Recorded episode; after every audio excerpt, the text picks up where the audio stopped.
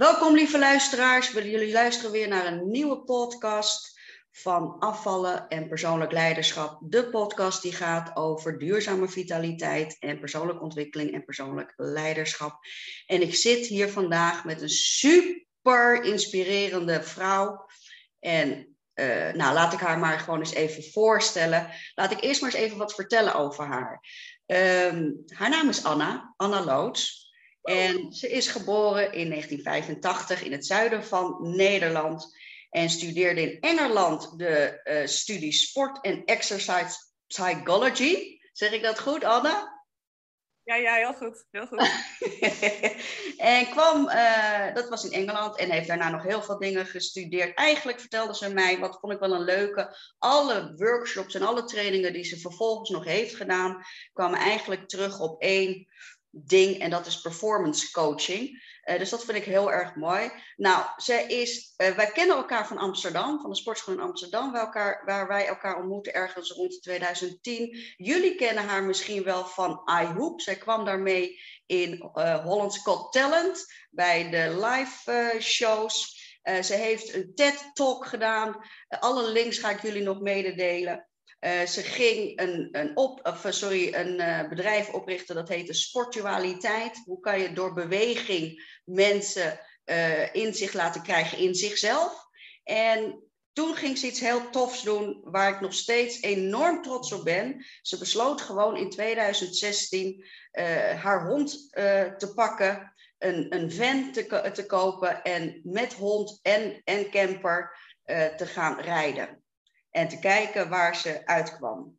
En in deze reis heeft ze van alles meegemaakt. In 2017 heeft zij uh, een nieuw bedrijf opgericht, de Injury Specialist, hoe je vanuit een holistische aanpak uh, de mens beter kan maken, zowel fysiek, maar zeker ook mentaal. En ik ben super blij. En misschien ben ik nog wel het allerblijste om te kunnen zeggen dat deze fantastisch inspirerende vrouw ook nog eens mijn vriendin is. Welkom. Yes, absoluut. dat is eigenlijk het allerbelangrijkste. Dat is uiteindelijk het allerbelangrijkste. Anna, zit, Anna zit, waar zit je nu, Anna? Want we doen, het, we doen het online. Waar zit je nu? Even voor de luisterers, waar ben je nu? Nou, ik ben nu in Portugal. Op een plekje wat Lagoa de Obidos heet. Wat een heel mooi uh, lagoon is. En uh, ik heb hier een huisje gehuurd. Ik heb geleerd dat ik mijn werk online kan doen. Ik zit nu buiten. Um, Zonnetje met schijnt bij Anna. Met een hele goede headset. Als je dus vindt dat je te veel uh, geluiden hoort op de achtergrond, dan uh, ga ik weer rustig binnen zitten. De, de wifi is beter buiten dan binnen. En uh, daar ben ik nu. Ja, het is echt heel bijzonder. En misschien moeten we maar gewoon eens even bij het begin beginnen. Anna heeft een, is, is vol power, vol energie. Uh, dat straalt ze ook uit. Jullie moeten er zeker gaan volgen op Insta. Maar alle links, nogmaals, die krijgen we ook nog even aan het eind van de, van de podcast. Maar uh, ik weet zeker dat luisteraars nu al ondertussen naar Instagram, uh, naar Insta gaan. En zoek dan gewoon even op Anna Loots, L-O-O-T-S. En Anna met een A op het eind.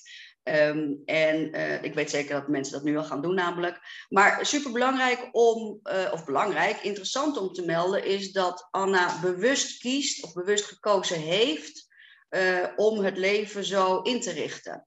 Ja. Ehm, laat me eens even vertellen, laat me eens even vragen, Anna, wat was daarvan de reden?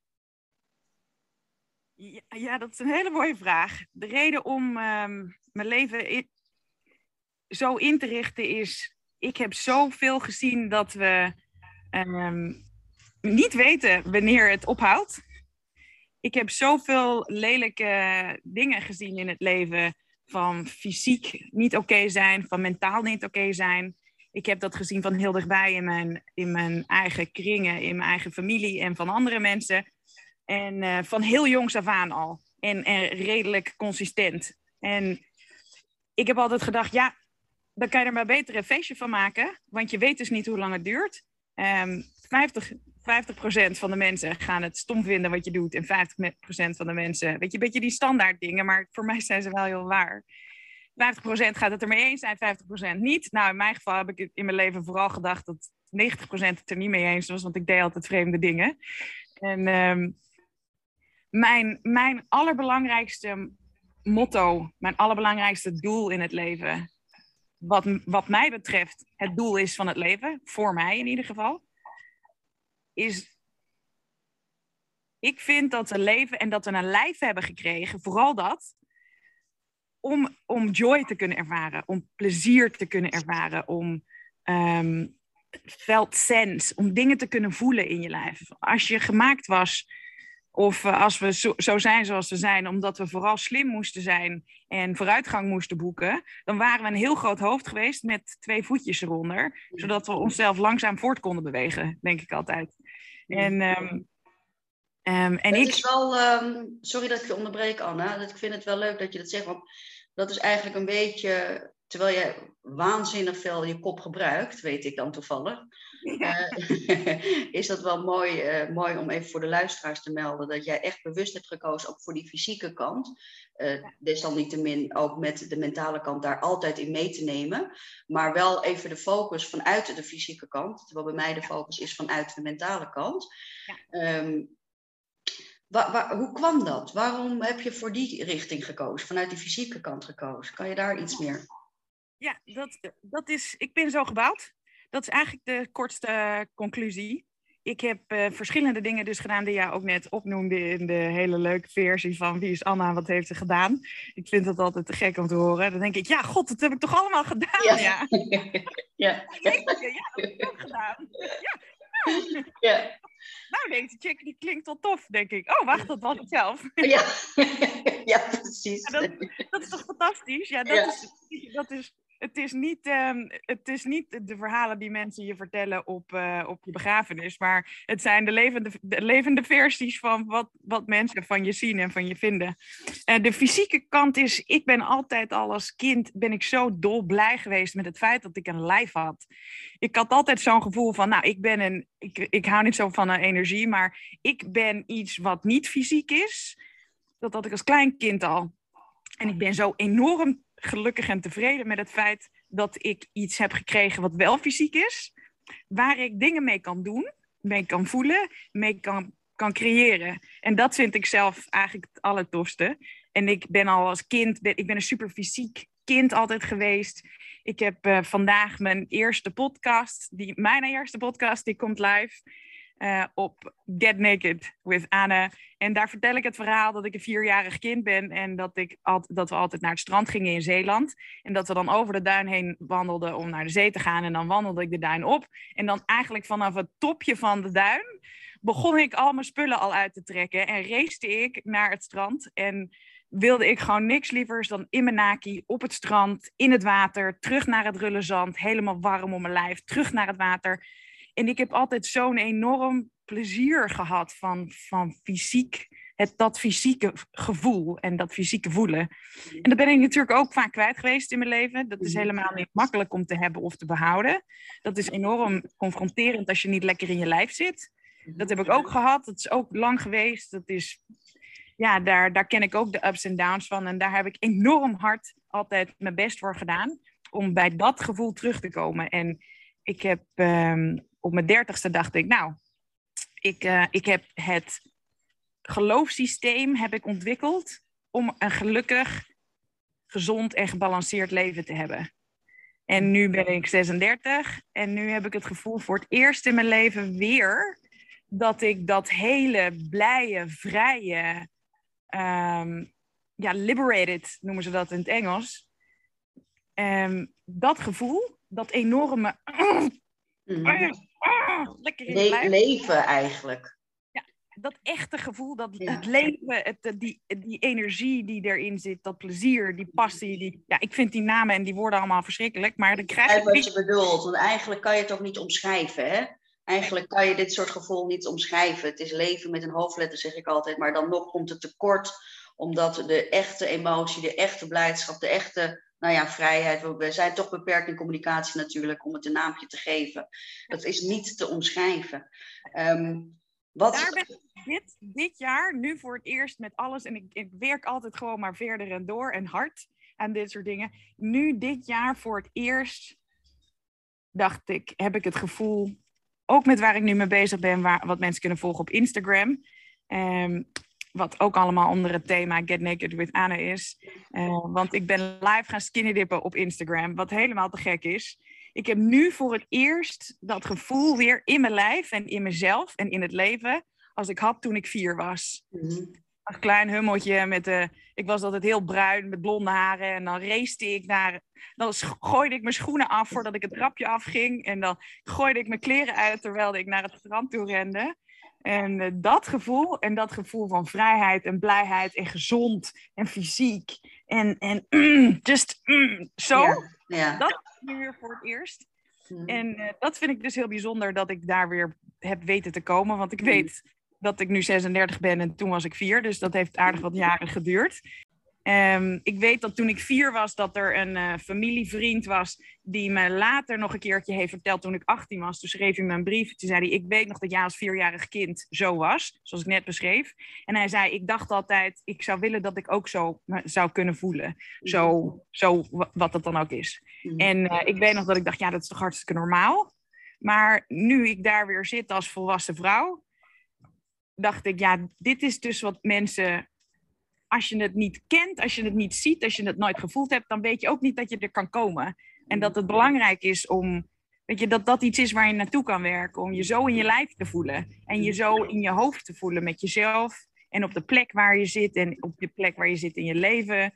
En uh, ja, dat is echt waanzinnig. Want ik maak, ik krijg zulke leuke berichten van mensen. Die zijn zo blij. En, die, en ik vind het geweldig dat ik dus dat gevoel, waar ik echt een soort van ja, ambassadeur van ben, vind ik. Dat gevoel, dat, dat, dat, dat, ik denk als eh, mensen je opzoeken op Instagram, dan, dan, dan zullen ze voelen wat je in ieder geval probeert uit te leggen. Ja. Uh, want gevoel is gewoon heel moeilijk uh, te omschrijven. Uh, maar wat je terecht zegt, dat is natuurlijk interessant. Ook voor mijn luisteraars, uh, of zeker voor mijn luisteraars, die continu worstelen met hun zelfbeeld, met hun. Eigenwaarde vind ik ook zo'n beetje flauw woord, maar met een uh, zelfactualisatie in ieder geval. Um, Um, en je zegt terecht natuurlijk, hè, dat gevoel had je ooit dat je vier was en vervolgens nu weer dat je 36 bent. Het is een reis van 32 jaar geweest, Anna. En ik weet van jou dat die reis uh, ook behoorlijk wat uh, ups, maar zeker ook downs heeft gehad. Oh, uh, wat, wat kan je, hè? ik weet bijvoorbeeld dat je twee burn-outs hebt gehad. Dat is voor mijn luisteraars ook heel herkenbaar. in de red race van deze maatschappij, zeker met dames misschien, nou zeker is een beetje flauw om te zeggen, maar we, we zien toch wel bij dames dat daar een grotere uh, ja, schuring is tussen, tussen werken en privé. Um, wat, wat kan jij zeggen, wat heb jij geleerd bijvoorbeeld? Want ik weet zeker dat jij lering hebt getrokken uit je burn-outs. Wat heb je geleerd daarvan? Ja, ik heb, uh, het is dus 32 jaar later. En uh, ik heb wat nog wel een leuk detail is. Ik heb in 2010 heb ik een schilderij gevonden, gemaakt door een Amsterdamse schilder die Joep Buis heet. Heel toevallig. Het grotere verhaal leg ik uit in, in mijn eigen eerste podcast. En dat schilderij heet Joy. En dat schilderij is echt precies het beeld van het gevoel wat ik had als vierjarig kind en wat ik nu heb als ik ga skinny dippen. En um, en dat heeft heel erg geholpen. Een, een, visueel beeld wat me elke keer er naartoe terug heeft gebracht. En, uh, als een ankertje of zo? Als een ankertje van daar moet ik weer uitkomen? Ja, ja, ja, ja. precies. Ik ja. kocht dus op het moment dat in 2009 overleed mijn vader. In 2010 um, het, het, duurde anderhalf jaar. Dat was de eerste burn-out. Niet omdat ik te hard had gewerkt. Want ik, ik heb altijd al gevonden dat te hard werken helemaal niet uh, nuttig is. dat het eigenlijk weinig voortbrengt. Um, ik werk heel hard, maar, maar ik geloof er niet in dat 80, 90 uur, 100 uur in een week, uh, dat we daar gelukkig van worden. Dus dat probeer ik niet te doen. Um, en um, ik heb, dus ik heb toen een burn-out gehad nadat mijn vader overleed. En daar waren een hele hoop dingen aan vooraf gegaan. En eigenlijk ging alles steeds slechter. Alle onderwerpen van mijn leven die werden steeds lastiger, vervelender. Ik voel, ik, ik, mijn zelfvertrouwen was min 2, als het normaal gesproken tussen 0 en 10 is. Misschien wel min 4. Um, ik had het gevoel dat ik niet waard was om vrienden te hebben. Dat het niet de moeite waard was om naar me te lachen als je me niet kende op straat. Ik, ik kon mensen niet in hun gezicht aankijken. Ik, ik ben toen begonnen met hoepelen. En dat deed ik in de, in de kelder. in de kelder waar je ook kon parkeren in Amsterdam, want ik wilde niet gezien worden. En ehm, ja, dat was, dat was natuurlijk heel erg anders dan dat je me nu hoort en dat jij ook mij hebt leren kennen. En ehm, toen heb ik dus anderhalf jaar kon ik eigenlijk gewoon niks. Um, dat was het. Ik kon gewoon eigenlijk niks. Ik weet niet eens meer. Ik ben zo erg. Wat er, wat er kan gebeuren met iemand als het zo slecht gaat fysiek met ze, dan kan een lijf en of een energie, wat er dan ook maar zijn, die kan bedenken dat, je, dat het niet meer goed is om langer in dat lijf te blijven. En dan dissocieer je. Dus dan gebeurt er iets dat je eigenlijk, je lijf doet dingen, weet je, de automatische piloot, zeg maar, dat je lijf doet dingen zonder dat je achteraf kan aan terugbrengen wat je hebt gedaan. Mhm. En uh, dat heb ik denk ik wel echt een jaar lang gehad. Als ik nu terugkijk, dan, dan dacht ik, ja, ik heb echt geen idee wat ik heb gedaan, waar ik ben geweest. Mijn vader die had de dag toen in coma in het ziekenhuis voor acht weken. En nou ja, het is allemaal helemaal, helemaal verschrikkelijk. En uh, burn-out die kwam daarna, toen hij uiteindelijk mhm. overleed. En toen kon ik dus anderhalf jaar echt geen, geen fluit. Echt om vier uur nog de trap omhoog om een kopje thee te maken. Of s'avonds de trap omhoog om mijn tanden te poetsen. was gewoon echt te veel. En, um, en daarvoor had ik dus heel veel dingen gestudeerd. die allemaal met performance coaching te maken hadden. Op heel veel verschillende vlakken. Dat is dan ook best wel een contradictie, hè? Als je dan dat, uh, al die trainingen en studies hebt gedaan. allemaal gericht op body, mind, op performance. En dat je dan zelf jezelf zo ziet wegglippen. Dat lijkt me ook wel een vreemde contradictie. Want hoe ging je daarmee om dan? Ik heb het nooit een contradictie gevonden. Ik heb het altijd het aller, de biggest, uh, het grootste geluk ongeveer wat ik heb gehad in mijn leven, is dat ik, uh, want, want shit dingen gebeuren bij iedereen. Um, het was compleet buiten mijn controle um, dat deze dingen gebeurden in mijn leven. En dat, die zich, dat de volgorde zo was en zo zo bruut was, achter elkaar door. Dat het maakt niet uit wie je bent, hoe je bent getraind. Um, als dit de eerste keer is dat het leven je zo onderuit haalt, gaat het nagenoeg altijd mis. Ik denk dat 1 of 2 procent van de mensen die ik ooit ben tegengekomen, dat van zichzelf goed zouden hebben gedaan. Maar dat zijn mensen die commando's zijn, die hun hele leven getraind zijn om extreme situaties aan te kunnen en daar enorm vlak in te blijven. Dus ik vond het zelf natuurlijk verschrikkelijk. Ik wens het niemand toe om daar te zitten. Ik weet dat mensen daar ook zitten, dagelijks en voor een lange tijd. Maar ik was gewoon super blij, want het, het lag niet aan mij. Het, het kwam door het leven, het gebeurde me. En ik dacht, ik ben gewoon super blij dat ik dus al, al jarenlang bezig ben om dingen uit te zoeken van hoe ga je dan hiermee om. En nu heb ik het allermooiste moment. Mijn hele leven heeft altijd iedereen van alles gevonden van wat Anna moest doen. En dat vond ik altijd reet irritant, vind ik nog steeds. Want ik vind dat ik dat zelf het beste weet. Mhm. En, ehm, en toen had ik dus een situatie waar ik zo laag zat, daar, waar, waar alles kut was, dat mhm. ik dacht, nou nu mag ik dus alles wat ik heb geleerd op mijn eigen manier gaan toepassen. En dat heb ik gedaan. En daar is eigenlijk alles wat daar vervolgens uit volgt en de manier waarop ik met mensen kan werken, die is daar ontstaan en die heb ik daar ontwikkeld. Omdat er niemand was die zei je moet het zo doen. Omdat er niemand was die zei ehm, dit is hoe het gaat, weet je. Dit is, het, ik had alle ruimte om mijn eigen methodiek te vinden. En wat ik daaruit vond, de eerste keer dat het leven me zo omgooide, was ik moet meer spelen. Want mhm. mijn hoofd was de hele tijd bezig. Ik bleef de hele tijd hetzelfde rondje draaien. Mijn vader was ziek. Ik geloof dat hij nog niet was overleden. Ik had geen vrienden in Nederland, want ik had in Engeland gewoond. Nou, een hele rij door. Als je mijn auditie uh, op Holland Got bekijkt, dan is daar een beetje meer verhaal bij. Mm. En, um, en ik moest... Ik, ik, ik, ik, voelde dat ik gewoon moest simpele dingen moest gaan doen, bewegen. Mm. En ik had gewoon, er waren heel veel dingen die ik niet wilde doen. En er waren uh, heel weinig dingen die ik wel wilde doen. Maar ik had zin om uh, touwtje te springen. Ik dacht, ik moet naar de, ik moet naar naar de speelgoedwinkel. Ik, ik ga een touwtje kopen. Ik heb zo'n um, Saturnus-achtige bal gekocht. Weet je, dat is zo'n bal die ziet er een beetje als een acht uit met zo'n ring eromheen als kind. En, en dit is het moment waarop ik dacht, ik heb. En, en elke keer komt dat vierjarige meisje komt weer terug. Ik dacht, ik, ik, ik moet terug naar dat gevoel. Daar moet ik terug naartoe. Dat is hoe ik me wil voelen. Maar ik kan niet voorstellen dat ik ooit nog glimlach. Ik kan niet voorstellen dat ik ooit nog kleuren zie. Ik kan me niet voorstellen dat ik ooit nog kan genieten. En ik kan me niet voorstellen dat mijn lijf zo lekker voelt. En dat ik zo gelukkig ben dat ik mijn lijf wil voelen. Mhm. En, ehm, en toen dacht ik dus, ja, wat vond ik dan toen leuk? Wat deed ik dan toen? Mhm. En toen dacht ik, nou, rondrennen in je naki op het strand, um, buiten spelen. Ik was altijd heel goed in fysieke dingen. Dus zo'n een uh, skippybal, touwtjes springen, ballen gooien. Gewoon simpel, fysieke, simpele activiteiten die vaak heel veel herhaling hebben. Zo kwam dus ook hoepelen. Waar je eigenlijk alleen maar iets doet omdat het leuk is om te doen. Het is, het is nutteloos. Je komt eigenlijk nergens verder. Ehm, maar het is tijdsverdrijf. En je doet het voor het plezier en omdat het leuk is. Nou, dat heet dan dus play. En daar zijn hele mooie onderzoeken naar gedaan. Dat had ik allemaal, had ik allemaal wel gelezen en zo. Maar nooit echt moeten toepassen. En dat was dus, wat mij betreft, voor mij de grote redding. En ook, dat is ook elke keer weer, maakt niet uit wat het is elke keer weer als ik het terugbreng naar het fysieke, dan blijft het makkelijk voor me.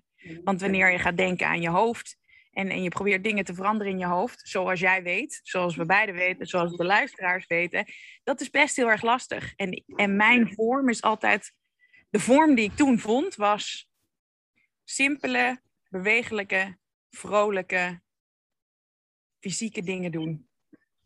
Het is wel mooi dat je het zegt. We weten dat nu ook, misschien even voor de luisteraars interessant om te weten, dat uh, wanneer we uh, stress ervaren, gaat het direct uh, ons weerstand naar beneden gooien.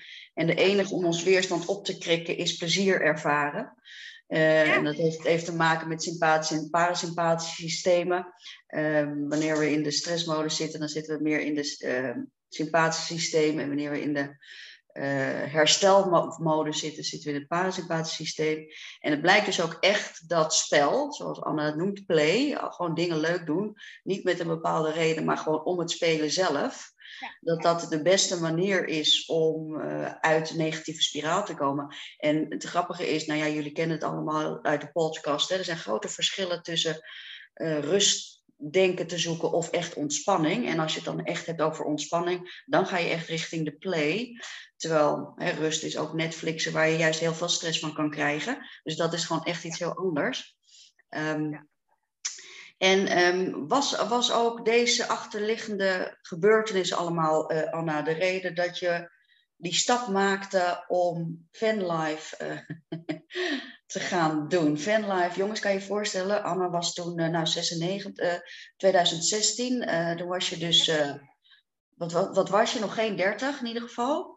Ja, 30. Dus het was, ik was toen in dat jaar was ik 30. Ik werd 30. Toen gebeurde er een aantal dingen en toen dacht ik, oké, nu is het mooi geweest. Dan ga ik. Ja. ja. en toen ging ze dus, uh, ze kocht, uh, of ze nam een puppy, Olle, Olle de Mallemoete. En ging daarmee uh, onder de arm, nou ja, onder de arm, in de van. Onder de arm, de eerste, de eerste drie maanden, daarna was hij te groot. Ik kan me zo voorstellen, Anna, dat je, en ik kan me dat zo voorstellen. Want ik word altijd neergezet als iemand die nooit bang is. Ja. Ik, ik kan me nog heel goed herinneren dat ik dat van mijn moeder als affirmaties moet zetten. Ik ben Mira de Bruin, ik ben voor niemand bang. Dat zit er echt in. Dat moest ik als kleinkind als affirmatie zetten. Die, die uitstraling heb ik dus ook mezelf heel erg eigen gemaakt. Hè. Dat zeggen mensen, dat zo'n uitstraling heb ik ook op de een of andere manier. Maar de gedachte ik heb dus heel, in het begin heel erg veel aan jou gedacht, Anna. De gedachte namelijk van, want ik ga dan zelf denken, ik weet niet hoe het met de luisteraars is, maar als een vriendin van jou op pad gaat, ja. in haar eentje, met een hond, ja. In een auto die niet het meest nieuwe model is, zeg maar. ja. die gaat gewoon ergens staan. Niet op een camping, want dat kennen jullie Anne nog niet. Niet op een camping met alles erop en eraan. Nee, gewoon middle of nowhere. Dus ik dacht heel veel momenten, godverdorie, hoe zou ik nou, Mira de Bruin die voor niemand bang is, hoe zou ik nou omgaan in zulke situaties? Nou Anne, ik kan je zeggen, ik weet zeker, ik zou zeven kleuren scheiden, scheiden van angst. Hoe is dat met jou gegaan? Want er moeten momenten geweest zijn dat je, dat je dacht, oh my god, waar ben ik aan begonnen? Ja, absoluut. Absoluut. Ja, dat is natuurlijk superleuk om te horen. Um, ik dacht, ik heb alles gedaan wat ik moest doen. Wat ik had besloten te gaan doen om in Nederland te doen. Ik had in Engeland gewoond en gestudeerd. Op allerlei andere plekken gestudeerd. En ik dacht, ik besloot terug te komen naar Nederland. Nou, alles daar gedaan. Best wel performance gericht. Om, niet om te bewijzen, maar om aan mezelf te laten zien dat ik dingen kon. Dat was echt wel Amsterdam voor zeven jaar. En toen werd ik dertig. En toen dacht ik, ehm, ik ben dus dertig. Ik ben een leuk mens en ik leef nog steeds. Dat vind ik dus echt waanzinnig. En dat wilde ik heel groot vieren. Dat werd uiteindelijk, dat gebeurde niet. Allerlei andere verhalen. En, ehm, en ik had alles gedaan in Nederland. Ik had een soort van het gevoel dat ik het afgerond. En ik was naar Engeland toe gegaan. En uh, toen dacht ik, ja, het is, het is tijd. En toen heb ik binnen drie weken ongeveer, eh, ik kwam 13 november 2015 kwam ik terug. En kerstavond haalde ik en reed ik terug de, de, de, de motorhome, de camper van 17 jaar oud, haalde ik op en reed ik terug naar Amsterdam. En toen uh, heb ik dus s'avonds heb ik alles um, wat ik dacht dat ik nodig had in de bus gedaan. En toen had ik hem dus al gekocht, hè. En ik kocht hem dus, dat geloof je ook niet. Ik kocht hem terwijl ik nog nooit een nacht in een, in een motorhome had geslapen. En ik kocht hem dus toen ik nog nooit langer dan 10 minuten in dat ding had gereden. Ja, soms vraag ik me af van hoe kom je erbij, Anna? Dat heb ik best gemaakt in mijn leven. Heb je het dan niet goed bedacht? Nou ja, bij mij was het heel simpel. En ik heb de capaciteit om af en toe niet het is-teken te zien. Dus het gaat zo. Amsterdam is klaar, alles gedaan wat ik moest doen. Ik heb alles afgerond, ik ben klaar om te gaan. Ik wil een nieuwe plek vinden om te gaan wonen. Ik weet niet waar het handigste is om op een plek te kunnen zitten, maar ik moet makkelijk kunnen verhuizen. Dus ik heb een huis nodig wat wielen heeft. Oké, nou dan heb je een bus nodig. Ik heb niet genoeg tijd om het te bouwen en ook geen capaciteiten om dat zelf te doen. Dan moet je iets kopen wat al af is. En toen dacht ik, dan is het het beste om een motorhome te kopen. Dus dat heb ik toen gedaan. En toen dacht ik, nou, dan koop je dus een bus. En toen dacht ik, ja, dan is het ook wel een goed idee om een hond te hebben. Ik had nog nooit een hond gewild van mijn hele leven. En toen dacht ik, dit is het allerbeste plan. En toen dacht ik, nou, ik wil een Malamute. En uh, toen dacht ik, nou, dus dan koop je een dan, dan, dan krijg je een hond en dan koop je een bus en dan ga je. Want als je een nieuw leven op wil starten ergens anders en je wil de juiste plek vinden om te gaan wonen, dan moet je dat doen. Punt. Ik denk dan dus op een of andere manier niet is in je eentje slapen in een bus. Is aankomen op een plek in het donker, terwijl mensen kunnen zien wie, wie er in de bus zit. Want je lichtjes gaan altijd aan als je de deur open doet ik en een kleine hond. Later werd het de grote hond. En daar heb ik dus allemaal niet over nagedacht. En ik heb ook niet nagedacht of ik bang zou zijn. Mensen vroegen me allemaal, ja, bang. Ik weet nog dat ik toen, voordat ik wegging, dat ik dacht, ja, waar kan ik nou, waar moet je dan nog bang voor zijn? Ja. nou, dat heb ik geweten. Want toen had ik dus kerstavond, heb ik dus alles gepakt kerstochtend. En toen ben ik kerstavond ben ik gaan rijden. Toen reed ik naar Calais. Toen heb ik daar s'nachts geslapen in de bus. Nou, geen oog dicht gedaan natuurlijk. En toen, um, toen nam ik ochtends nam ik, uh, de pont. Toen had ik nog niet bedacht dat de trein een goed idee was, geloof ik. Ik geloof dat ik de pont pakte. En, um, en toen ging ik dus twee weken lang zou ik op avontuur gaan. Dus toen kwam ik soort van kerst, kerstdag in, uh, in Engeland aan, zonder enig plan. Anyway, een lang verhaal kort. Die twee weken had ik dus nog niet mijn hond. En ik ben nog nooit zo bang geweest. Ja. Elke dag, elke avond, elke nacht. Ik heb ook meteen een soort van 500 euro uitgegeven aan een hele grote lamp. Want de eerste nacht dat ik parkeerde, stond ik ook meteen vast in de, uh, de uh, het, het gras. Want de bus was zwaar en het had keihard geregend al drie maanden lang. En uh, dus ik kwam vast te zitten in het donker. Ik kreeg de banden er niet uit. In mijn eentje op in the middle of nowhere. En uh, anderhalf uur wachten totdat iemand bij je kwam. Nou, ik ben nog nooit zo bang geweest. Ik dacht toen ook, soort van na de eerste drie nachten, toen dacht ik, het is dat ik deze bus al heb gekocht en dat die meer dan 10.000 euro is. Anders dan had ik hem gehuurd, had ik hem, dan was ik dus niet eens de twee weken afgemaakt.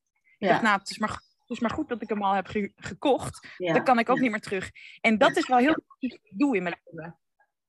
Mensen zeggen wel van ja, je bent altijd all-in. Ja, soms denk ik je moet all-in, want anders dan ga je terug. En dat wilde je. En dan moet je jezelf, ja, dan kom je in ongemakkelijke situaties die je eigenlijk niet wilde. Dan leer je jezelf ook kennen. Maar je moet er wel uitkomen. En ik vind heel vaak dat dat best handig is. Maar heb je dus, ehm, bijvoorbeeld, even voor de luisteraars, even een beeldvorming uh, voor, te vormen. Heb je bijvoorbeeld een honkbalknuppel naast je gelegd of iets dergelijks? Heb, je hebt toch maatregelen genomen om jezelf te beschermen of zo? Ja, Ja, ja, ik had allemaal kleine, kleine dingen. Op een gegeven moment, na drie maanden, uh, ik kreeg mijn hond, die was toen vier maanden. Dus na drie maanden was hij ongeveer even groot als dat hij nu is. En dan is het een heel schattig beestje, want hij is heel fluffy en heel erg knap. Maar uh, het is ook een grote hond, dus dat helpt. Dat vond ik al een beetje. Ik wist dat er waarschijnlijk niks zou gebeuren, behalve dat hij, zijn, dat hij de handen zou likken van, van iemand. Ja, ja. Uh, maar ik was dus letterlijk elke nacht bang. Ik denk dat ik... Ik was voor van alles. En, en in mijn idee nog steeds correct. Dus het was niet een soort van anxiety. Het was gewoon correcte analyses. Ja. En ik was bang. Soms dan parkeerde ik ergens. En dan woei het echt 60 kilometer per uur. 60, 70 Oh ja, afschuwelijk, ja. Dan parkeerde ik ergens uit de wind. Maar dat was dan om, omdat er een bergje naast me was. Maar toen in het donker. Maar het, op het bergje stond een houten paal. Want dat zijn, zo zitten de elektriciteitslijnen in elkaar in Engeland. En toen werd ik dus wakker. Toen viel ik bijna in slaap. Toen dacht ik, ja, maar wat is dat nou zo hard waait dat die elektrische lijn, die houten paal omgaat. Als die omgaat, dan valt hij bovenop mijn camper. En, dan, en dan, dan ligt hij dus over mijn buik heen. Ja. En, uh, en dan weet niemand dat ik hier ben. Dat heb ik heel vaak gedacht. Dus ja. Ik had altijd een um, uh, powerbank die ik vast lag aan mijn telefoon. Ja. Naast op armafstand. Ja. Zodat als er wat gebeurde, ik altijd wist dat ik nog iemand kan bellen als ik conscious was. Ja. Eh, ik had, eh, ik denk de eerste negen maanden, ik had van mijn vader geërfd zijn ehm, cricket bed. Ja, En- precies. Ja. Ja. En eh, ik had ook bedacht dat als ik zo een swing zou doen, weet je wel, met de echte kant van het cricket, dat het dan te lang zou duren, dat iemand het dan kon grijpen. Maar dat het idee altijd was dat ik zou doen alsof ik met de lange kant zou, zou aanpakken, maar dat ik de korte kant tegen iemand aan zou. Ja, ja, ja, ja, ja, ja. Dus dat. Het andere wat ik had bedacht was, ik had een, eh, eh, in het Engels noemen ze dat een high-vis jacket. Weet je wel, zo'n zo'n zo'n geel-oranje ding. Nou, die had ik gehangen over de, ehm, over de passenger seat. En eh, dat ziet er in Engeland altijd uit alsof iemand eh, op de weg werkt of zo. Dat zijn altijd, als je als man zoiets draagt, dan ben je altijd best wel een beetje een ruige man. In Engeland je dan tatoeages, grote voeten en, eh, en, een, en een knokkerig gezicht. Dus die had ik besloten om over de voorstoel te doen. Want als je een werkbusje ziet in Engeland, dan hangt dat ook daar. En eh, het andere was dat ik dacht, ik ga aan een vriendje vragen of dat hij eh, niet een paar oude schoenen heeft. Dat als iemand soort van met zijn zaklampje binnenkomt kijken en ze de high-vis jacket zien, dat ze ook een paar grote schoenen zien. Ja. Maar dat is een afleiding, want als iemand een beetje oplet, zien ze dat ik in mijn eentje ben. ja. Maar, ehm, maar wat ik uiteindelijk, dit is wel grappig, daar heb ik lang niet over nagedacht, maar wat uiteindelijk ervoor zorgde dat ik meer rust kreeg, Hm. en dat ik dacht, I got this, is omdat ik een avond parkeerde waar ik uiteindelijk ging wonen, waar ik al gestudeerd had, in Wales, in Bangor. En eh, ik stond op een plek, die was super mooi. Ik had daar eten gekookt. Ik had lekker buiten gezeten met Olle. De zon ging onder. Ik zat binnen, altijd kaarsjes aan, want ik hou niet zoveel licht s avonds. Alle kaarsjes aan, eh, de afwas nog niet gedaan. En eh, alle, weet je alle dingetjes, alle raampjes naar beneden. Dus ik zag, ik zag niks, behalve de... Weet je, ik zat helemaal binnen. Je kon niks zien. En om eh, tien uur of om acht uur, ik weet niet meer wat het was. Maar heel stipt. Niks veranderde. Ik zat binnen. Ik zag niks. Heel stipt op een moment dacht ik. En nu ben ik niet meer veilig hier. Nu zit ik op die verkeerde plek. Het is niet meer oké om hier te zijn. Anna, je, dit is niet de juiste plek. Je moet hier weg. Heel, heel direct. Mhm, Fijn, fijn, fijn, fijn, fijn, fijn. Niks aan het handje. En toen in één keer bam. mhm, mhm, hier, dit is niet meer de goede plek. mhm. Toen dacht ik, nou, wat bijzonder. Dus toen ben ik, toen ben ik dan toch... eh, Ik ben scheidensbang voor alles. Ik, heb, ik denk ook nooit dat ik iets kan. Daar ga ik in principe niet van uit. Maar ik, wil, ik ga het wel proberen. Dus dat Mhm. is altijd mijn insteek. Ik Mhm. weet niet of dat ik het kan, maar omdat ik het niet weet, kan ik het maar beter uitzoeken. Want dan kom ik er echt achter, in plaats van dat ik het invul. En eh, ik ben heel vaak bang eh, voor heel veel verschillende dingen. Maar dan, maar dan ga ik het wel doen. Met de side note natuurlijk, dat ik toen leerde, ik ben bang, maar er is een verschil tussen ik ben niet veilig, Mhm. ik moet hier weg, dit is niet oké. Of ik ben gewoon een beetje bang, want ik vind het spannend. En toen ben je ook echt meteen weggegaan? Heb je daar naar geluisterd? Je hebt er wel... Ja. Dat vond ik dan ook wel dapper van mezelf. Toen heb ik, ehm, dan neem ik wel altijd mijn hond mee. Toen heb ik eh, de, de raampjes uh, dicht gehouden. Toen heb ik Olle aan de lijn gedaan. Toen heb ik de deur open gedaan en toen dacht ik, ik loop gewoon een rondje. Ik doe gewoon alsof ik dat ik mijn hond uitlaat. Dat doe ik eigenlijk altijd nu. Als ik, ook nu heb ik een busje en als ik dan ergens parkeer, dan is het eerste wat ik doe is Olle uitlaten. Want uh, niet dat het nodig is. verkennen, ja. Dan heb ik een ja. hond. Lijkt het of het oké okay is dat ik soort van een beetje aan het rondsnuffelen ben. Om een gevoel ja. te krijgen van, is het oké okay hier? Ja, ja. En dat, uh, dat deed ik toen. Toen liep ik een rondje en toen dacht ik, ja, er is verder, ik zie niks. Maar uh, ik vond het wel reuze spannend natuurlijk. Ik dacht, ja, god, wat, wat als je gevoel was, ik ben hier niet veilig. En je bent hier niet veilig en er komt iemand op je af. Mm. Ja, ik denk daar dan, dan stop ik ook die gedachte, want dat, dat schiet niet op. Mm. En uh, ik had wel het idee dat ik rond kon lopen, weet je wel. Het was niet dat ik het gevoel had dat ik, dat ik in een hinderlaag liep of zo. Mm. En, en toen dacht ik, ja, het, is, het voelt gewoon niet goed. En toen ben ik dus wel weggegaan. Ja. En dat was nowhere. En toen ben ik gereden naar Tesco, wat een soort van grote Albert Heijn is in, uh, in Engeland. En toen, uh, ik, dat kende ik, dat kende ik heel goed. Dat kende ja. ik in de avond. Whatever. En toen ben ik daar naartoe gereden. En, uh, en toen heb ik daar redelijk geslapen. Maar na het hele jaar, uiteindelijk ben ik dus 13 maanden op pad geweest. Toen besloot ik dus uiteindelijk om in Wales te gaan wonen. Toen ik uiteindelijk, uh, toen moest ik huur betalen voor een huis voor de eerste maand. Vooruit natuurlijk. En toen moest een vriendinnetje van mij dat voorschieten, die dat heel lief deed. En, um, en toen de eerste, eerste paar avonden, de eerste week, toen dacht ik, oh, oh, oké, okay, dit is dus hoe het voelt als je lijf niet constant alert hoeft te zijn. Oh ja, moet je nagaan, ja, ja. Toen heeft het echt, ik denk wel, nou, ik, ik kwam aan in januari. Ik denk echt wel dat het soort van drie tot zes maanden heeft geduurd totdat de constante... Constante stress eruit was. Ja, wauw. De stress, de alertheid. Ja. En ik ben opgegroeid in een gezin waarvan ik dacht op het moment dat ik opgroeide dat alles goed en leuk en fijn was. Maar achteraf leerde ik dat het helemaal niet zo was. En die spanning die je kan voelen dat dingen niet oké okay zijn in een huis met ouders of tussen kinderen. Weet je die ongemakkelijke spanning die we allemaal fysiek in ons lijf voelen. Die echt waar je echt kapot aan gaat, dat meen ik letterlijk, daar ga je kapot aan. Um, dat, dat geeft, dat heeft mij altijd als kind een constant gevoel gegeven van ik moet alert blijven. Ik moest alert blijven om te zorgen dat alles en iedereen die in ons huis woonde, dat ik door had in wat voor moed ze waren, zodat ik wist wat ik moest doen om veilig te zijn. Nou, dat is enorm vermoeiend. Dat had ik dus ook al getraind, maar dat had ik dus ook stiekem aan voor 13 maanden, dat wist ik niet. Maar toen ik ermee ophield, dacht ik, Jezus Christus. Nou, ik heb er wel een hele hoop extra energie voor teruggekregen. Ja, ja. Is, er, is er iets waarvan je kan zeggen... Hè, ik kan me zo voorstellen dat je enorm veel van zo'n trip hebt geleerd... of enorm veel achter dingen bent gekomen. Is er iets wat je kan zeggen, nou, dit is eigenlijk wel het meest belangrijke... of was het gewoon meer een ervaring die je wilde hebben?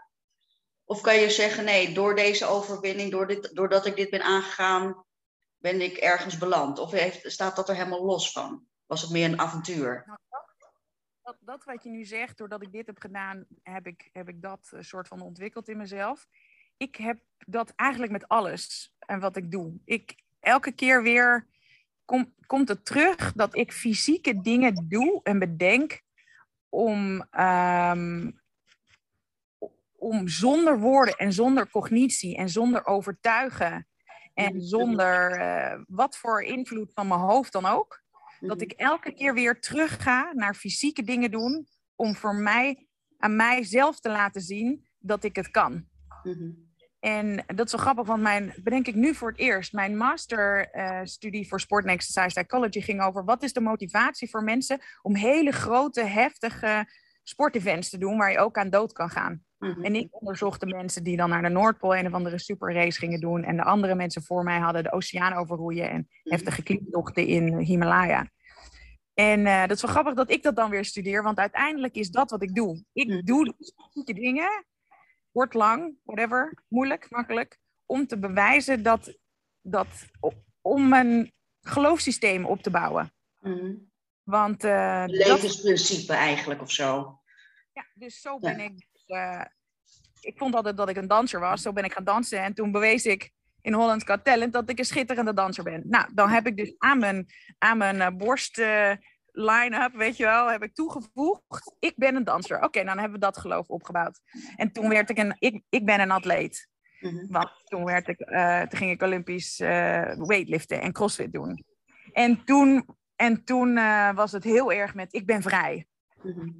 En de, de titel die ik toen aan mijn Instagram had gegeven was Expedition, Expedition Freedom. En dat was ik ben vrij. Ik ben vrij van locatie. Ik ben vrij voor op dat moment. Ik ben vrij van connecties die mhm. lastig zijn geweest in mijn leven. Want wat daarvoor gebeurde, was uh, dat ik op mijn dertigste een heel ongemakkelijk moment had uh, met mijn moeder. En dat ik uh, daar eigenlijk realiseerde dat wat ik dacht dat altijd waar was in mijn jeugd, dat dat niet zo was. Mhm. En dat ik besloot dat voor mijn eigen gezondheid um, het beter was dat ik niet contact zou houden met mijn moeder. Mm. En ik heb een heel groot hart, maar dat had ik dus besloten. En op het moment dat ik dat besloot, dacht ik: oké, dan ben ik dus nu vrij om weg te gaan uit Nederland. En uh, dat maakte, dat is een beetje een side note, maar dat maakte dus mijn vanlife avontuur ook enorm zwaar. Dat was alsof ik een soort van uh, slowcooker was in een klein, in een klein rot. um, campertje met een hond. Ik was voor het eerst ook een moeder, ook al was het dan geen kind. Mhm. En uh, alle tijd van de wereld, in the middle of nowhere, met helemaal niemand om me heen voor het grootste deel van de tijd. Nou, dus wat ik heb geleerd is, uh, er is zo'n er is een zegde, wherever you go, there you are. Dat het maakt niet uit waar je naartoe gaat. Wat je altijd meeneemt is je eigen lijf en je hoofd. En als je die traint, dan ben je dus eigenlijk altijd een lul. Mhm. En, uh, en wat ik dus leerde uit dat jaar, wat daaruit kwam, was: ik ben vrij. Mhm. Ik mag kiezen. Want ik had dus daarvoor besloten dat ik iets ging doen wat je nooit wil. Wat ik nog steeds niet wil, maar wat wel gezonder is voor me. Namelijk dat je weinig contact hebt met je moeder. En zo ben ik echt niet. Zo'n zo soort mens ben ik ook niet. Ik heb het ook nooit begrepen, tot ik het in één keer begreep. Mhm. En, um, en dat het ook altijd wel ik kom altijd op mijn pootjes terecht. Dat heb ik ook geleerd. Mhm. Mhm. En uh, dat zijn wel de dingen die ik dan daaruit heb geleerd. En het is natuurlijk een mooi avontuur geweest. Het is natuurlijk schitterend geweest. Um, ik heb nu afgelopen vanaf december tot en met juni ook in een busje gewoond. Op een, op een andere manier. Maar um, uh, dat was voor het eerst. Oh, die wil ook eventjes meedoen. Dat was voor het eerst dat ik, um, dat ik de, het plezier heb ervaren van de vrijheid die ik heb gecreëerd voor mezelf in het leven. En dat, is ook wat nou, dat is natuurlijk super mooi. En ook die omschrijving van uh, Get Naked with Anna. Daar gaan we het zo natuurlijk nog even over hebben. Maar um, eigenlijk, en ik, ik, ik kwam laatst een uitspraak tegen. En volgens mij past die helemaal. Leven is genieten zonder cognitieve bemoeienis. Hoe vind je die? Die is echt mooi, hè? Dus leven is genieten zonder cognitieve bemoeienis. Want zodra er een cognitieve bemoeienis aankomt, dan plakken we er meteen een label op. Dan proberen we dat meteen in hokjes te stoppen. En dan ben je al op het moment dat je een etiket gaat plakken, is eigenlijk de puurheid er alweer van af. Echt, ik vond het zo fantastisch. toch een saai leven. Ja, ik vond het super, super mooie uitspraak.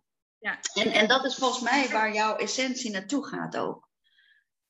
En ik wil het nog heel erg graag met jou hebben, dat weten we alle twee, eh, omdat we alle twee dat zelf ook ervaren, dat we in de hele, nou ja, jij dan in de, in de performance coaching uh, zit, ik zit in de leefstijl coaching en, en vitaliteitscoaching, leiderschapscoaching. Um, en continu een eigen soort van ja, dualiteit ook wel hebt met je eigen lijf. Anna is, is zeg maar geen olijfje. Ik ook niet, zoals jullie weten inmiddels. Uh, hoe kijk jij aan... te zijn. En ik maar hoe kijk jij tegen je eigen lichaam aan nu? En hoe heb je tegen over je lichaam gekeken in het verleden? Laten we beginnen bij het verleden. Ik heb dat altijd heel lastig gevonden, want ik ben dus het kind, ik, dit is, ik ben hetzelfde mens. Dat zit nog steeds in me, dat gevoel leeft in me van dat vierjarige meisje wat ik vertelde. En dan op een gegeven moment eh, komen er de meningen van de samenleving beginnen op je af te komen. En dan begin je getraind te worden door de samenleving, door je ouders, hoe je hoort te zijn, hoe het hoort te zijn. En, uh, en dat het dus goed en fout is. En ik weet niet op welk moment, maar ik ben altijd, ja, ik ben altijd heel erg geconnect geweest. Ik ben altijd heel erg ja, in mijn lijf voelend geweest. En ehm, ja, er is een moment waarop ik dat echt gigantisch kwijtraak. Um, ik dacht altijd dat het was omdat ik een klein zusje kreeg, maar later leerde ik dat het was omdat ik iets had gezien van mijn moeder waarvan ik dacht, ja, dit is niet, dit klopt niet. Of als mm. zevenjarig kind. En toen, ehm, en dat heeft alles veranderd. En vanaf dat moment, ik was altijd een slank klein kind. Mijn moeder noemde een garnaaltje. Je kon me niet vastpakken en ik was alweer weg. En heel bewegelijk. En toen vanaf dat ik zeven was, ben ik een soort van ehm, schermpje om me heen aan het gaan, gaan bouwen. Gewoon voor de veilig. Uh, want ik voelde me heel vaak niet veilig thuis. Um, op een groot gevoel. Dus, hè, dat is een soort van. Uh, anyway. En, en daar, en ik had allemaal vriendinnetjes, die waren super Nederlands en uh, slank en lange benen. En uh, die konden de Cooper-test lopen en gemakkelijk. Maar als het ging over gewicht heffen of stoeien of worstelen of kogelstoten, ja, dan was ik altijd de beste. Vond ik het meestal nog van de jongens ook. Mhm. Maar het was toen niet tof om sterk te zijn.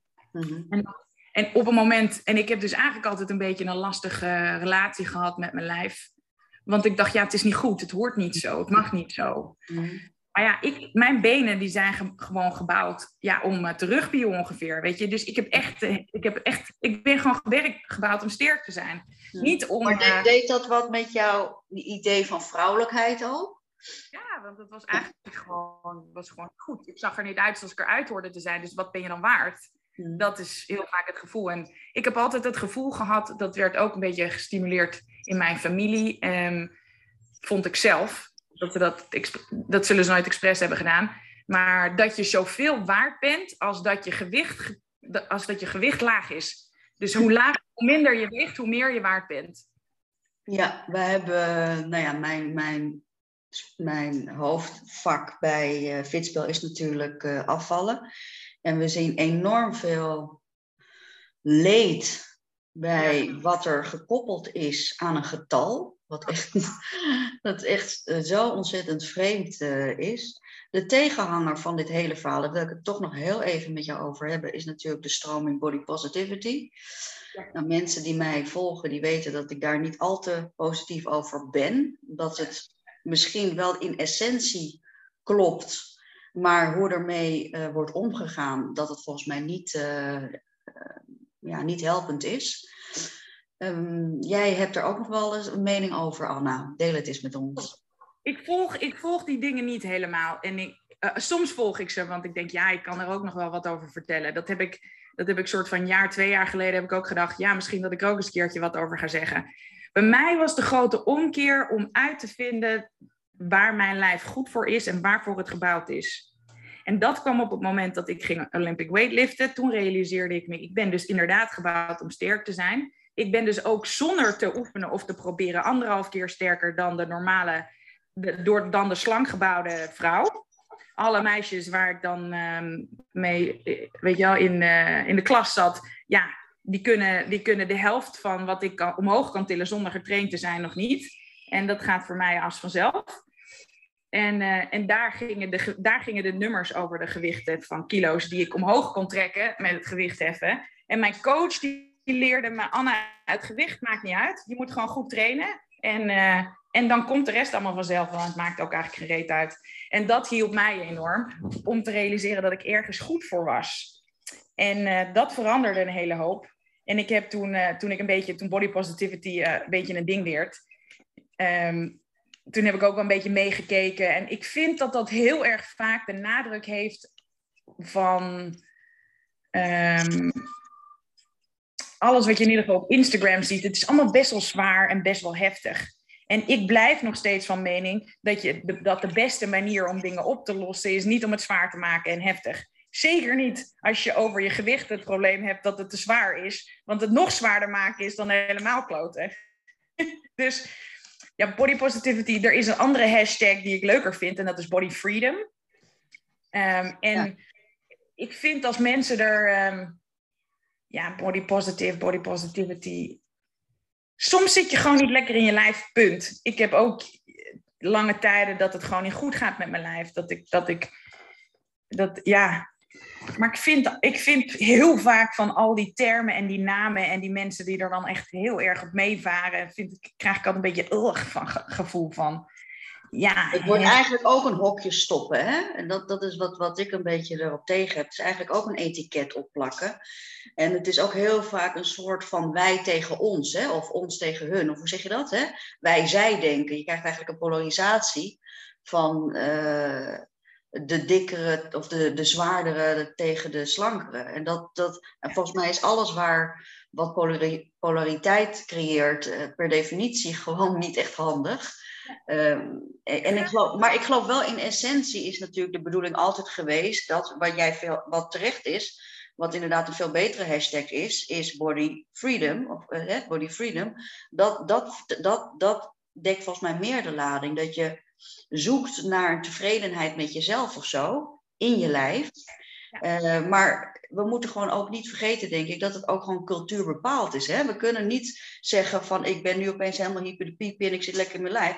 Nee, fuck it. We zijn gewoon opgegroeid in een dieetcultuur, in een imagocultuur, die uh, die je ook niet zomaar kan afwerpen, die, die gevormd is door ons allemaal. En er zijn maar heel weinig Anna's, snap je? Er zijn dus heel weinig mensen die de kracht kunnen vinden om te denken, fuck it, ik ben 30, ik ga met, met mijn eentje, in mijn eentje in een, in een camper van, van 17 jaar oud, uh, even anderhalf jaar op pad. Weet je wel? En dat maakt jou natuurlijk zo, zo super uh, bijzonder. Maar wat ik aan de luisteraars wil meegeven is dat Ehm, en nogmaals, zoek er even op op Insta. Dat is eigenlijk best, het beste kanaal om allemaal te volgen. Dat je daar ook de linktree hebt met alle links die erbij uh, uh, komen. En ik, kan, ik mag ook al vertellen dat Anna binnenkort een workshop gaat doen. Dus ga, ga naar die uh, Instagram, zodat je ook op de hoogte blijft van de voortgang van die workshops. Wat het gaat betekenen, wat de inhoud zal zijn enzovoort. Ja. Um, het is... met die body freedom. Ik denk dit is wat ik dan zelf ook heel erg merk nu dat, het, nu dat ik denk van ja, ik zit helemaal op de juiste plek en ik ben weer, ik voel me weer zoals dat ik was toen ik vier was. En dat is wat eruit komt. Dat, is waarom ik zo gelukkig word van dat skinny dippen. En dat is waarom het zo leuk is om dat live op Instagram te doen.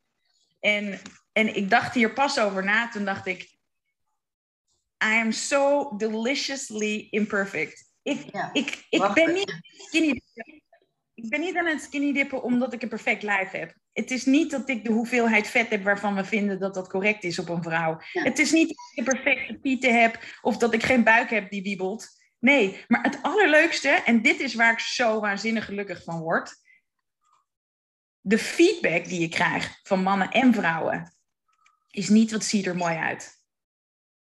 Wat ben je een lekker wijf. Natuurlijk zitten er hier en daar een, een, eh, een berichtje van iemand waar ik niet op reageer. Maar als iemand zegt, wat een, wat een genot om naar je te kijken. Wat is jouw energie heerlijk. Er was iemand die um, uh, Fun X Nature.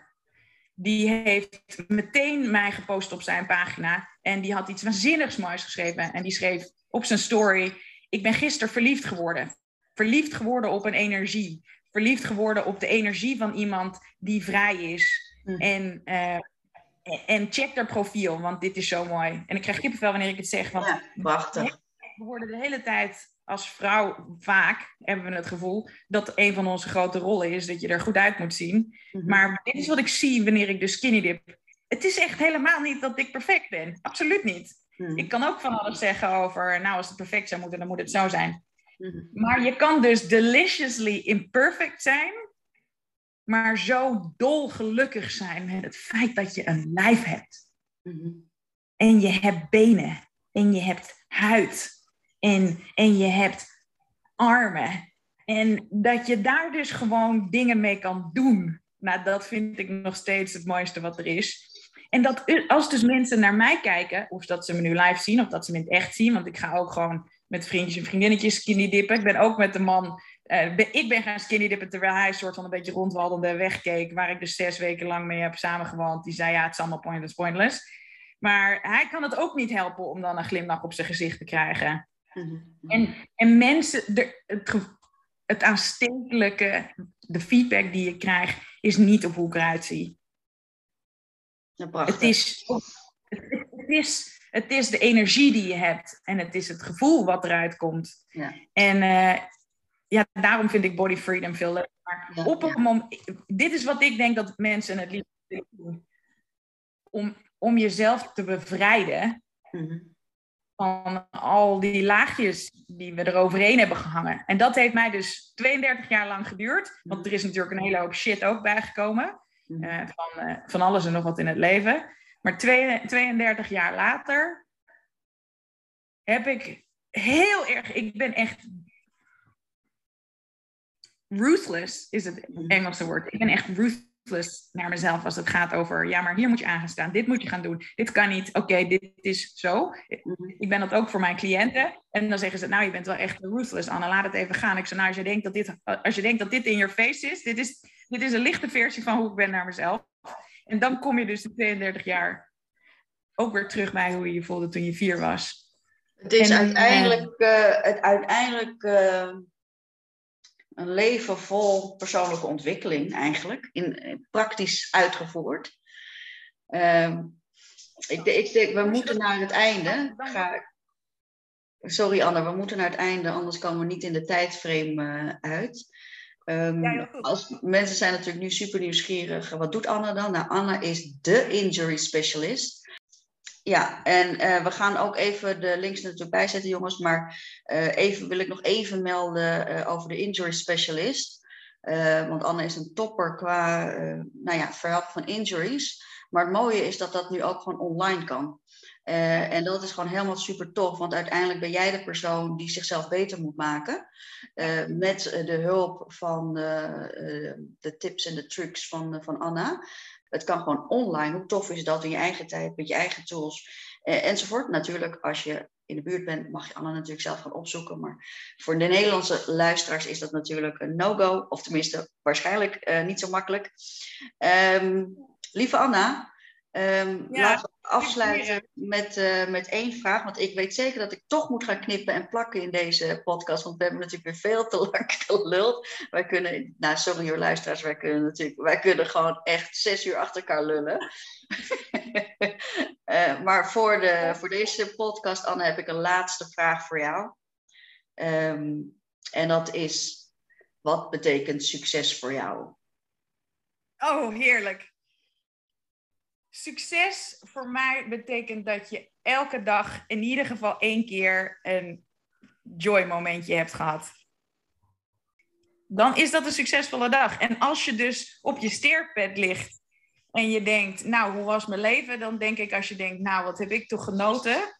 Wat heb ik mooie momenten gehad? Wat heb ik toch heerlijk gevoeld en ervaren? En dan denk ik, ja, dan, dan ga je dood met een glimlach als je de rust en de tijd hebt om zo te gaan. En um, het is mooi. Het is leuk dat je dat zegt. Dat is, ik heb dat ook wel met coaching, dat ik dat aan coaches vraag. Hè, als mensen een beetje de weg, zijn in het, weg kwijt zijn in het leven. Dat ik dan aan coaches vraag, hoe zou je nou willen dat mensen over jou praten als je in je kist ligt? Uh, waardoor je altijd al opeens stilstaat van wat is nou eigenlijk inderdaad echt belangrijk? Weet je wel, is het nou zo belangrijk om een grotere auto te kopen? Is het nou zo belangrijk uh, om maatje 36 te hebben? Dat gaan mensen niet zeggen als jij in je kist ligt. Nou ja, als ze het wel doen, dan heb je echt een heel erg rot leven gehad, zou ik zeggen. Ja, ja, dus, dus, ja, dus wat een lekker wijf. Nou, dan heb je het echt goed gedaan hoor. Ja, precies. Dan heb je echt wel een zinvol leven gehad. Dus dat vind ik een mooie, dat vind ik een super mooie afsluiten. Lieve mensen, luisteraars, we gaan uh, afsluiten. Volg Anna op Instagram, uh, Anna Loods uh, op Instagram. Noem nog even de nieuwe website, Anna. De website, Anna? Get, get, get Make with Anna. Allemaal achter elkaar.com. .com. Dus de website, dat is getnakedwithanna.com.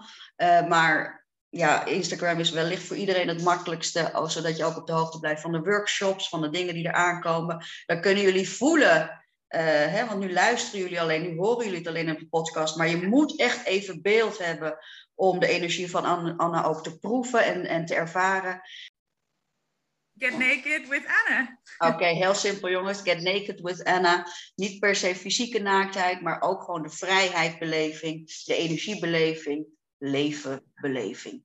En zoals we al begonnen in het uh, begin van de podcast, we kunnen dat niet met woorden omschrijven, dus je moet het ervaren. Zoek erop, ervaar het en geniet van het leven. Dank jullie wel, luisteraars. Tot de volgende keer.